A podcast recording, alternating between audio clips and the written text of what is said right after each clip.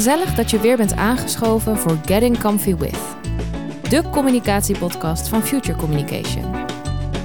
Koffie met toonaangevende professionals om te praten over ons fantastische vak. Wat zijn uitdagingen, trends en better yet, tips?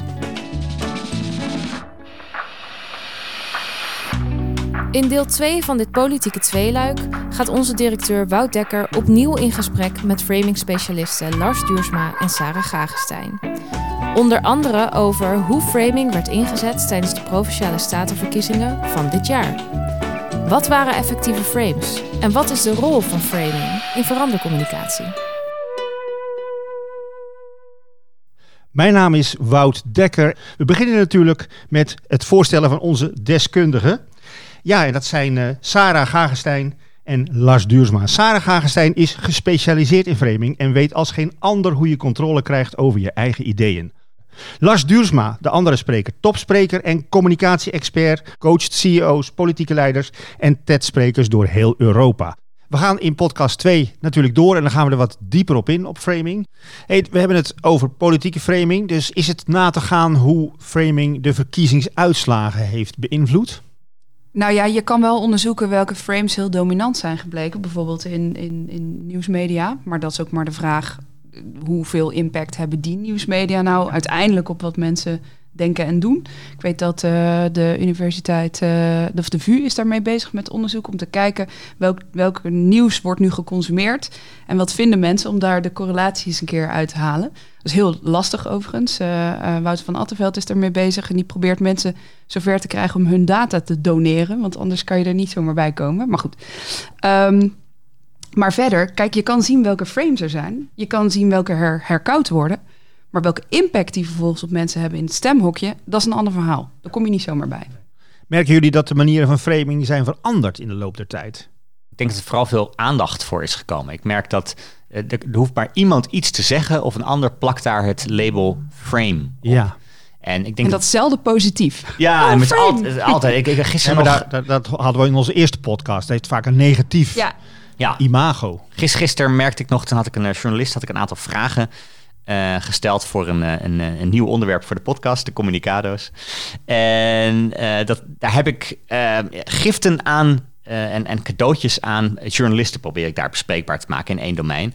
En daar had ik het inderdaad ook over. Termen als een, een organisatie die journalisten probeert te paaien en zo. En ik kreeg direct een wat, wat, wat, wat pittige mail terug van die journalist van... ah, ik proef al direct het frame in deze, in deze vraagstelling. Als je het hebt over paaien en geschenken en, eh, en zo.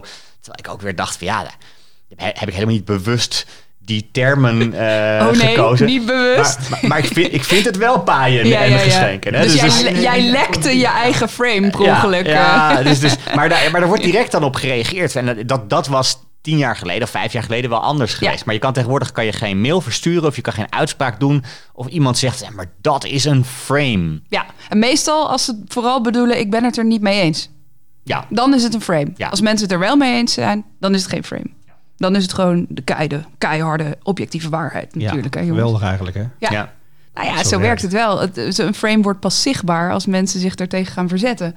Dat, dat maakt het voor de beeldvorming voor ons een mooie vak soms wel wat lastiger. Ja, en, en, en een beetje een open deur. Social media hebben daar natuurlijk wel aan meegewerkt. Dat dat... Ja, het wordt allemaal wel wat korter, wat snappier. Sneller. Het moet allemaal in één zinnetje. Er is minder, minder ruimte voor tekst en uitleg. Maar de vraag is, in alle eerlijkheid, ik ben daar altijd wel een beetje kritisch op dat het allemaal de schuld is van de media en zeker dan de sociale media. Want onze aandachtspannen was in alle eerlijkheid altijd al kort. Mensen zijn zo snel met oordelen. En dat zit in ons. Ons brein wil helderheid, wil duidelijkheid, eenduidigheid, geen losse eindjes. Dus, dus zelfs al zouden journalisten eindeloos lange stukken schrijven, dan eh, gaat ons brein alsnog in zo'n modus van: ja, hallo, hoe zit het nou? Ben ik zielig? Te ja of te nee? Dat zit ook in ons. Eh, nou ja, en als je dat faciliteert, en sociale media doen dat nou, Ja. misschien ook wel, wordt dat Nou, je ziet ook dat termen heel snel uit de verband worden ge- gerukt en op, ergens op worden geplakt. Op een gegeven moment zag je dat eh, eh, het narratief, Mm. ook zo'n term Ook was. zo'n... Mm. Er zijn een aantal ehm, communicatiestrategen en zo, die hebben dat dan gebruikt. Die hebben het dan over een bepaald narratief in een discussie. En ik denk dat het een hele, ik heb die term ook wel eh, regelmatig gebruikt. Het is een heel valide term om te beschrijven wat er gebeurt. En op een gegeven moment wordt dat dan overgenomen en heeft iedereen het ineens over, ja, maar dat is het, dat is het, eh, dat is jullie narratief. Of dat is het verkeerde narratief. Of Mhm. het is het eh, Rutte-narratief. En, Ja. en, en, wordt dat in één keer weer als label erop geplakt. Ik denk soms, kijk daar soms ook wel mee uit. Want het, het is soms ook wel een, een manier geweest om geen inhoudelijke discussie te hoeven voeren. Dat je gewoon Ja. heel snel een labeltje op iets plakt. En dan zegt, nou oké, dat, is, dat is een narratief, dat is een frame. Dus hoeven we het er niet meer over te hebben. Ja. En ik, nee, juist wel. Eh, voer die discussie. Dan begint het pas. Ja. We, we hebben het gehad de afgelopen podcast en deze ook over wat er allemaal aan de hand is in Nederland. Aan maatschap, nou, stikstof kwam voorbij, Groningen noemde je. eh, dat, soort, dat soort problemen die er allemaal zijn. Kan de politiek, politieke partijen, de overheid, kunnen die, ja, kunnen die door framing een, een, een verandering realiseren? En wat voor verandering doel je dan op? Verandering in de beeldvorming van de overheid? Of een verandering... In, in Op misschien wel weer vertrouwen krijgen. eh, eh, dat moet eigenlijk blijken Oeh. uit daden, zeggen we dan natuurlijk. Ja. Bij, eh, Ja. Ik denk dat de impact van frames soms overschat wordt. Je kan, je kan met, met framing kan je niet een groter probleem oplossen of verdoezelen. En ik denk dat hier, als je het hebt over bijvoorbeeld de verdeeldheid die je ziet in de politiek, de polarisatie die je ziet in de politiek, dat ga je niet oplossen als iemand zegt van, eh, nou ja, laten we het voortaan zo noemen. laten we deze term erop uh, passen. Laten, laten, laten we gewoon wat meer polderen met elkaar. En Ja. laten, laten we een polderdiscussie hoor, voeren. maar- ja, ja. eh, nee. Daarmee ga je, dat niet, eh, ga je dat niet oplossen. Dus ik denk dat je ook eh, ken, ken de beperking van, van, van, van taal, van, van terminologie ook. Dat, dat gaat dat niet eh, veranderen. Dus ik denk die cultuurverandering zeker niet. Je kan het wel erger maken door zo'n zo'n zo'n frame te voeden... en er allerlei dingen aan te koppelen die er misschien niet aan Voorbeeld? horen of hoeven. Eh, ik heb er wel een beetje moeite mee dat er dat wel heel erg makkelijk eh, allerlei nou ja, de belangengroepen, maar ook politici eh, naar de overheid wijzen als een partij die je moet wantrouwen.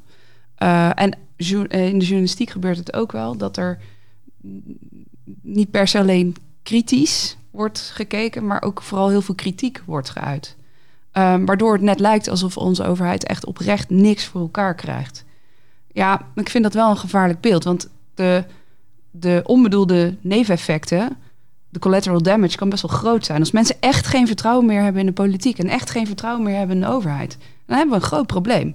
Dus het is, ik vind het een frame waar, waar, waarbij je echt moet oppassen dat je dat niet voor je eigen gemakzucht inzet Nou, dat- om iets, een strijdje te winnen. Want overal in de big, bigger picture heb je echt wel wat te verliezen. De kapitoolbestorming was eigenlijk een voorbeeld van misschien wel dat het al de foute kant op ging. In welke zin? Mensen zo ontevreden waren over hoe het ging. En, Gewelddadig. en- ja. is dat nou, dan, daar is moeten dan, we niet naartoe willen. Nee, nee, dat, maar dat zeg je ook. Ja. Dus Ja, nee, precies. Dat is een goeie. En nou ja, daar werd door Gideon van Meijeren van, eh, van Forum... Ja. werd daar ook een beetje naar gehint. Denk ik, ben je nou mee bezig, man? Maar Ja. goed. Ja, nee, dat denk ik wel. Ik, ik denk wel dat dat. ehm, ehm, ik merk dat ik aan, namelijk aan mezelf. Ik voel me een beetje aangesproken door jou, eh, Sarah. Ik, ik- Oh, ik, merk dat ik het zelf ook wel eens doe. Dat ik denk van. eh, als ik kritisch ben op het beleid van deze, eh, deze regering. Dat ik, dat, ik, dat, dat ik er een tweet uitgooi van. eh, het kabinet dat niet eens. eh, na vijf jaar niet eens heeft. kan bepalen wat groente en wat fruit is. Wil nu wel. Puntje, puntje, puntje, puntje, Oké, puntje. vind ik wel een mooi voorbeeld. Ehm, dus doe ik eigenlijk precies wat jij Ja. nu zegt van. eh, eh, doe dat, doe dat, dat het niet. ja. ik doe Ja, ik allemaal kan- misschien een beetje. Ja, ik, ik denk, ja ik, misschien moet daar voorzichtiger mee zijn. Ik denk wel dan van, maar doe dan. Laat dan ook die, die dingen die je wel kan, laat die dan ook zien. Want Ja. je creëert dit zelf. Je kan, je kan op een gegeven moment kan je mensen niet kwalijk nemen dat ze bij, bij, eh, bij een soort van gekke daadkrachten vergelijking maken met groente en fruit. En dat ze zeggen van nou, had, had het daar dan ook eh, wat, wat meer daadkracht getoond. Dus dat, dat mensen dat sentiment hebben en dat ze zo zelf Ja. ook framen. Ja, ik snap het wel. Ik snap het ook. Maar dan wel gratis tip voor de overheid. eh, deels wat successtories met ons. Ja. Oké, check, genoteerd. Eh, zenden we uit. Zeg, even een korte ronde. Eh, je eigen positieve kenmerken benadrukken werkt beter dan de tegenstander negatief framen. Het is wel wat ik adviseer, maar niet per se wat altijd het geval is. Ik denk dat het ook heel erg interessant kan zijn om je tegenstanders flink te kakken te zetten. Maar of het charmant is, is een tweede. Punt. Lars? hangt er vanaf of jouw eigen doelgroep jouw positieve kenmerken waardeert. Het gevaar van de linkse wolk was een sterk staaltje framing. We hebben het erover gehad in onze eerste podcast. En toen hebben we geconstateerd dat het goed, goed bedoeld was, maar Ja. niet lekker uitgewerkt. Ah, ik had vooraf had ik mijn geld er wel op ingezet, maar achteraf valt het toch een beetje tegen. Nee, ik denk dat mijn antwoord zou zijn, dat vinden alleen VVD'ers en zelfs de meeste van hen volgens mij niet. Is dan de conclusie VVD is in deze campagne volledig doorgeschoten in aanval en framing?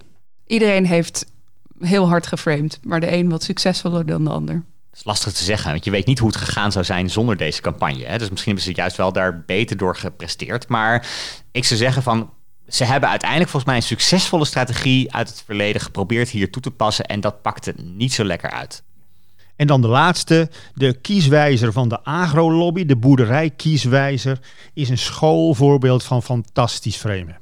Het is wel een, schoolvoorbeeld van fantastische framing. Tja, tja, dan moet ik er een oordeel aan hangen wat een goed en een fout frame is. Wat ik er, wat ik, ik heb nog eens zitten kijken naar de stellingen en wat vooral opvalt is de selectie. Het zijn 25, 15 stellingen. Ze gaan allemaal over de landbouw, logischerwijs. Ehm, dus wat ik er interessant aan vind, framing-wise, is dat je keuze wordt beperkt tot één thema. Daar gaat het om. En dat was natuurlijk de bedoeling. Kan je alsnog bij Partij van de Dieren uitkomen. Maar het gaat in ieder geval om landbouw. Ja, volgens mij heeft 99% van Nederland er nog nooit van gehoord. Dus dan kan het nooit een succesvol frame zijn. Nou, is dat zo? Ja, dat is al kom, een gerommelde marge dit. Ja, dat wel. Ja. Maar dan kan het toch nog steeds een mooi een schoolvoorbeeld zijn. Ja, van, van, kijk, kijk, eens wat, wat, wat, wat voor moois ik bedacht heb... wat uiteindelijk eh, de drie mannen een paardenkop gezien hebben. Nou ja, Heeft nu, ingevuld. nu, nu dankzij de podcast. eh, Ja, nee, Vul hem nog even in, dames en heren. Nee, ja, oké. nee, ja, maar dat, even, even, ik vind het wel een interessant punt. Ik denk ook dat je... eh, dat het, dat het een heel goed punt is. Als jouw frame niet wijd verspreid raakt, als jouw initiatief niet wijd ben je dan succesvol? Misschien is dat wel een soort factor om succes aan af te meten. Eh, word je overgenomen? Daar ben ik het wel mee eens. Als, als mensen zeggen, ja, leuk, punt. Ben je dan goed bezig? Moi. Nee, het, het is volgens mij niet aangeslagen. Dus, dus dat, daarmee is het eh, niet, niet, niet een heel succesvol Ja. frame. We zijn het erover. Het is een leuke, ex- een, een leuke intellectuele exercitie, maar sessa. Ja, ik ben blij dat jullie het er even over gehad hebben. Dan Ja. is dat ook gewoon heel erg duidelijk. Deze podcast eh, ja, wordt gemaakt door een communicatiebureau, Future Communication. En eh, Future Communication is eh, eh, ja, altijd bezig met verandercommunicatie. Kan framing eh, ja, daarbij helpen? En we Zeker. werken dus voor organisaties om de interne communicatie, maar ook omgevingscommunicatie eh, aan te pakken en Ja. te helpen. Ja? Nou, wat mij heel zinvol lijkt, is om bij zo'n ver- verandertraject in eerste instantie eens te kijken welke frames er rond die verandering hangen, er al zijn. Dus niet me- meteen beginnen met hop, duwen, dit willen wij zeggen. Maar meer, wat speelt er nou binnen een organisatie of binnen stakeholders van die organisaties? Eh, en wat kan je daarmee?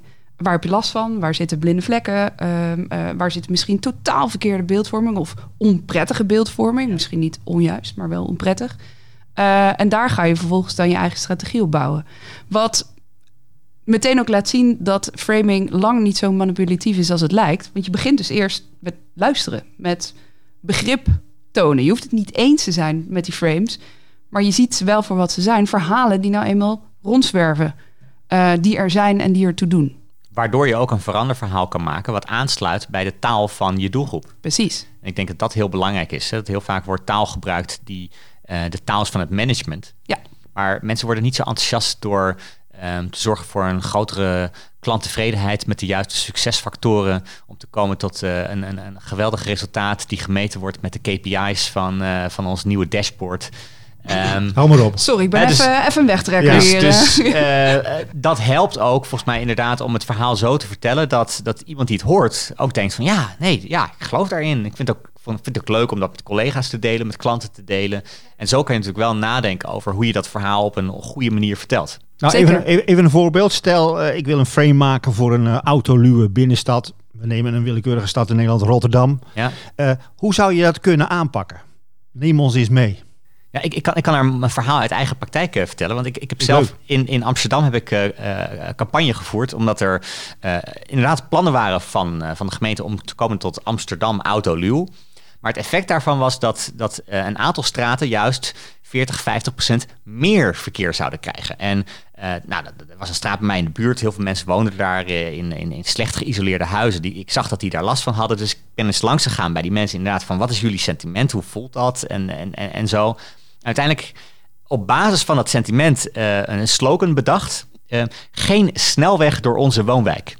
En, en, en, en dat hebben we ook enorm opgeplakt. Opgehangen, opgehangen. overal. Geen snelweg door onze eh, woonwijk. En ook eh, dat gekoppeld aan hele sterke emoties. Dus niet alleen dus dat, ja, die snelweg door een woonwijk, dat voelt al direct onrechtvaardig. Maar ook eh, de manier waarop de gemeente dat communiceert, waarop we als, als wijk zijn voorgelogen en zo. Ik heb geprobeerd om dat, dat, die, die, die onvrede die er was, nou, waar mogelijk ook een beetje op te poken. Het heeft ertoe geleid dat we uiteindelijk drie keer met 300 mensen de, de straat bezet hebben. eh, richting de Stopera, dus het eh, stadhuis van, eh, van Amsterdam, gelopen zijn. En er zijn heel veel dingen veranderd voor de, voor de wijk. Begint volgens mij bij ehm, eh, ook mensen informeren. Want hier was, mensen wisten niet eens dat er iets zou gaan veranderen. Dus vervolgens luisteren naar het sentiment, dat verpakken in een goede slogan. En ja, mensen continu ook laten zien van wat het effect is van actie. Dat moeten ze ook geloven. Want ja, alleen maar eh, iets doen, dat, dat heeft niet eh, eh, zin. En dat op een leuke manier ook proberen te doen. Heel, veel mensen hebben ook gewoon die acties. Dat, dat heeft ook iets losgemaakt in de wijk. Want op een gegeven moment zei de politie ook tegen ons van jullie mogen de, de straat niet blokkeren. Nou, dan gingen we brainstormen. Wat kunnen we dan wel doen? Nou, is een zebrapad. En toen dachten wij van, nou, als je nou met 300 mensen continu over dat zebrapad van de ene naar de andere kant loopt, dan heb je de straat niet geblokkeerd. Maar heb je toch wel uiteindelijk het effect bereikt? Nou, ja, het- nou, mensen gingen met hun kinderen daar over het zebrapad lopen en zo. Nou, we hebben het allemaal op een soort ja, guerrilla-campagne we hebben dat op een hele eh. veilige manier Mooi. gedaan. Maar de- dat heeft wat losgemaakt in de, En hoe is in nu? de wijk. Hoe is het nu? Nee, het, is, het is nu een 30 kilometer weg geworden. Dus het was een zware plan om er juist een hele drukke weg van te maken. En nu als, eh, als, als eerste weg in Amsterdam, het gaat met meer gebeuren, maar is, is daar nu echt een 30 kilometer weg van gemaakt. Terwijl het daarvoor een, eh, een drukke verkeersader was. Als je niets had gedaan, was het waarschijnlijk een drukkere weg geworden ook. Ja, ja, Als, hè? ja de- absoluut. Zeg Lars, Ja. kan jij dat hier bij ons Bij de overtoom, overtoom? ja. Ja. Hier, ja, ja. Er zit hier ook, Het is hier ook best druk. ja, het is best druk hier. Het is Overstroom hard. Amsterdam. Ja, ja. Ja, ja. maar, maar- het is mooi. Het is een burger, eh, burgercampagne dan eigenlijk. Ja, die zo luister naar de opzet. mensen en, Ja. en maak ze er bewust van. En geef hen ook het gevoel dat ze samen iets voor elkaar kunnen krijgen. En wat ik eh, ook uit jouw verhaal eh, haal, wat ik heel mooi vind, is dat je mensen zelf een gezicht geeft en, en weer herkenbaar maakt. Hè? Want dat zie je ook wel vaak bij beleid. Eh, mensen raken dermate uitgezoomd dat je ze bijna niet meer ziet. Ja. Ehm, dus dat zou je dan, ditzelfde gegeven zou je voor de andere kant, dus je wil een autoluwe zone, kan je ook gebruiken. Dus kan je verhalen vertellen van mensen die daar, eh, eh, die vertellen wat dat voor hen betekent. Ja. Net als andersom in dit geval. Ehm, ehm, kan je eh, daar, daar echt een gezicht op plakken? Kan je het dichtbij halen? Want anders is het, nou ja, dan blijft het zo ver weg en dan Ja. raakt het mensen ook niet. Hè? Ja. Ik wil eigenlijk de laatste vraag aan jullie stellen als afsluiter. Ehm, wat is jullie meest favoriete frame ooit? Hele grote vraag natuurlijk. Politiek, niet politiek, maakt mij niet zoveel uit. Mijn lievelings is de villa-subsidie. Eh, ooit bedacht eh, door, eh, door de SP. Ehm, en als een alternatief wordt voor hypotheekrenteaftrek. En niet zozeer omdat ik het er mee eens ben of mee oneens ben, maar omdat ik dat voor het eerst toen zag gebeuren in mijn omgeving wat die term deed. En? Ja, Wat? Je, je zag dat de hypotheekrenteaftrek, dat was toen de tijd het H-woord. Hè? Daar mocht niet aan getornd worden. Hoe durfde je? Ehm, maar eh, nou ja, om het heel concreet te maken, mijn eigen moedertje belde me op en die zei: eh, Verdorie, wat ik nou heb gehoord. De VVD is voor een villa-subsidie. Zijn ze helemaal gek geworden? Toen dacht ik: Wauw, dat is diezelfde vrouw die er toch geen moeite mee heeft om die hypotheekrenteaftrek te ontvangen. En die zag ineens toch wel een ander stukje van diezelfde realiteit. Ehm, dus dat, eh, dat frame is mij dierbaar gebleven. Mooi. Lars? Vind in Nederland de plofkip nog, Ja. nog steeds een hele mooie. Een Eh, dus die, eh, je ziet hem direct voor je, je voelt er wat bij. En het, het roept ook niet alleen het frame op van dierenleed, maar vooral ook van... Jack, bah, ehm, ehm, dat, dat wil ik, niet eens, eh, wil ik niet eens eten. Ik denk, het is niet mijn favoriete frame, maar eentje die, die heel veel impact heeft in de wereld. De afgelopen vijf jaar MeToo. Mhm. Hè, dat werd heel snel, ook ik. En dat, dat heeft echt heel veel impact gehad op de, op de, op, op de samenleving. Mhm. Maar in een negatieve manier, fake nieuws, nepnieuws. Ja. Ik denk dat daar eh, gaan we nog heel veel last van krijgen... dat dat zo'n populaire term is geworden. Ja, want het wordt heel erg misbruikt. Dat Ja. is vooral eh, je punt dan. En het, het wordt Ja. direct op iets geplakt... en iedereen heeft het ineens over fake nieuws, nepnieuws en zo... Ja. Eh, en daarmee heb je, je had, we hadden het net over vertrouwen. vertrouwen in de media. Nou, die ondermijn je wel echt door die term heel veel te gebruiken. Ja. ja, als het je niet aanstaat, is het fake news. Ja. Gevaarlijk. Helemaal mee eens. Nou, dat is deze podcast niet. Zeker geen fake nieuws. en daarmee wil ik afsluiten. Sarah Gagestein, hartstikke bedankt. Lars, bedankt dat jullie hier waren. En eh, nou, tot ziens. Oké. Graag gedaan. It's a wrap! De koffie mag dan op zijn, maar de koek nog lang niet. Leuk dat je luisterde naar ons politieke tweeluik over framing. Wil je meer horen van de communicatiepodcast van Future Communication? Onze website staat vol met interessante gesprekken met professionals. Neem gerust een kijkje op futurecommunication.nl/slash podcast of zoek ons direct op via de bekende podcastkanalen. En ben jij of ken jij iemand met wie we in gesprek moeten over ons vak? Neem dan contact met ons op via futurecommunication.nl of onze socials. Dan maken we een koffieafspraak. Bedankt voor je aandacht en tot de volgende keer.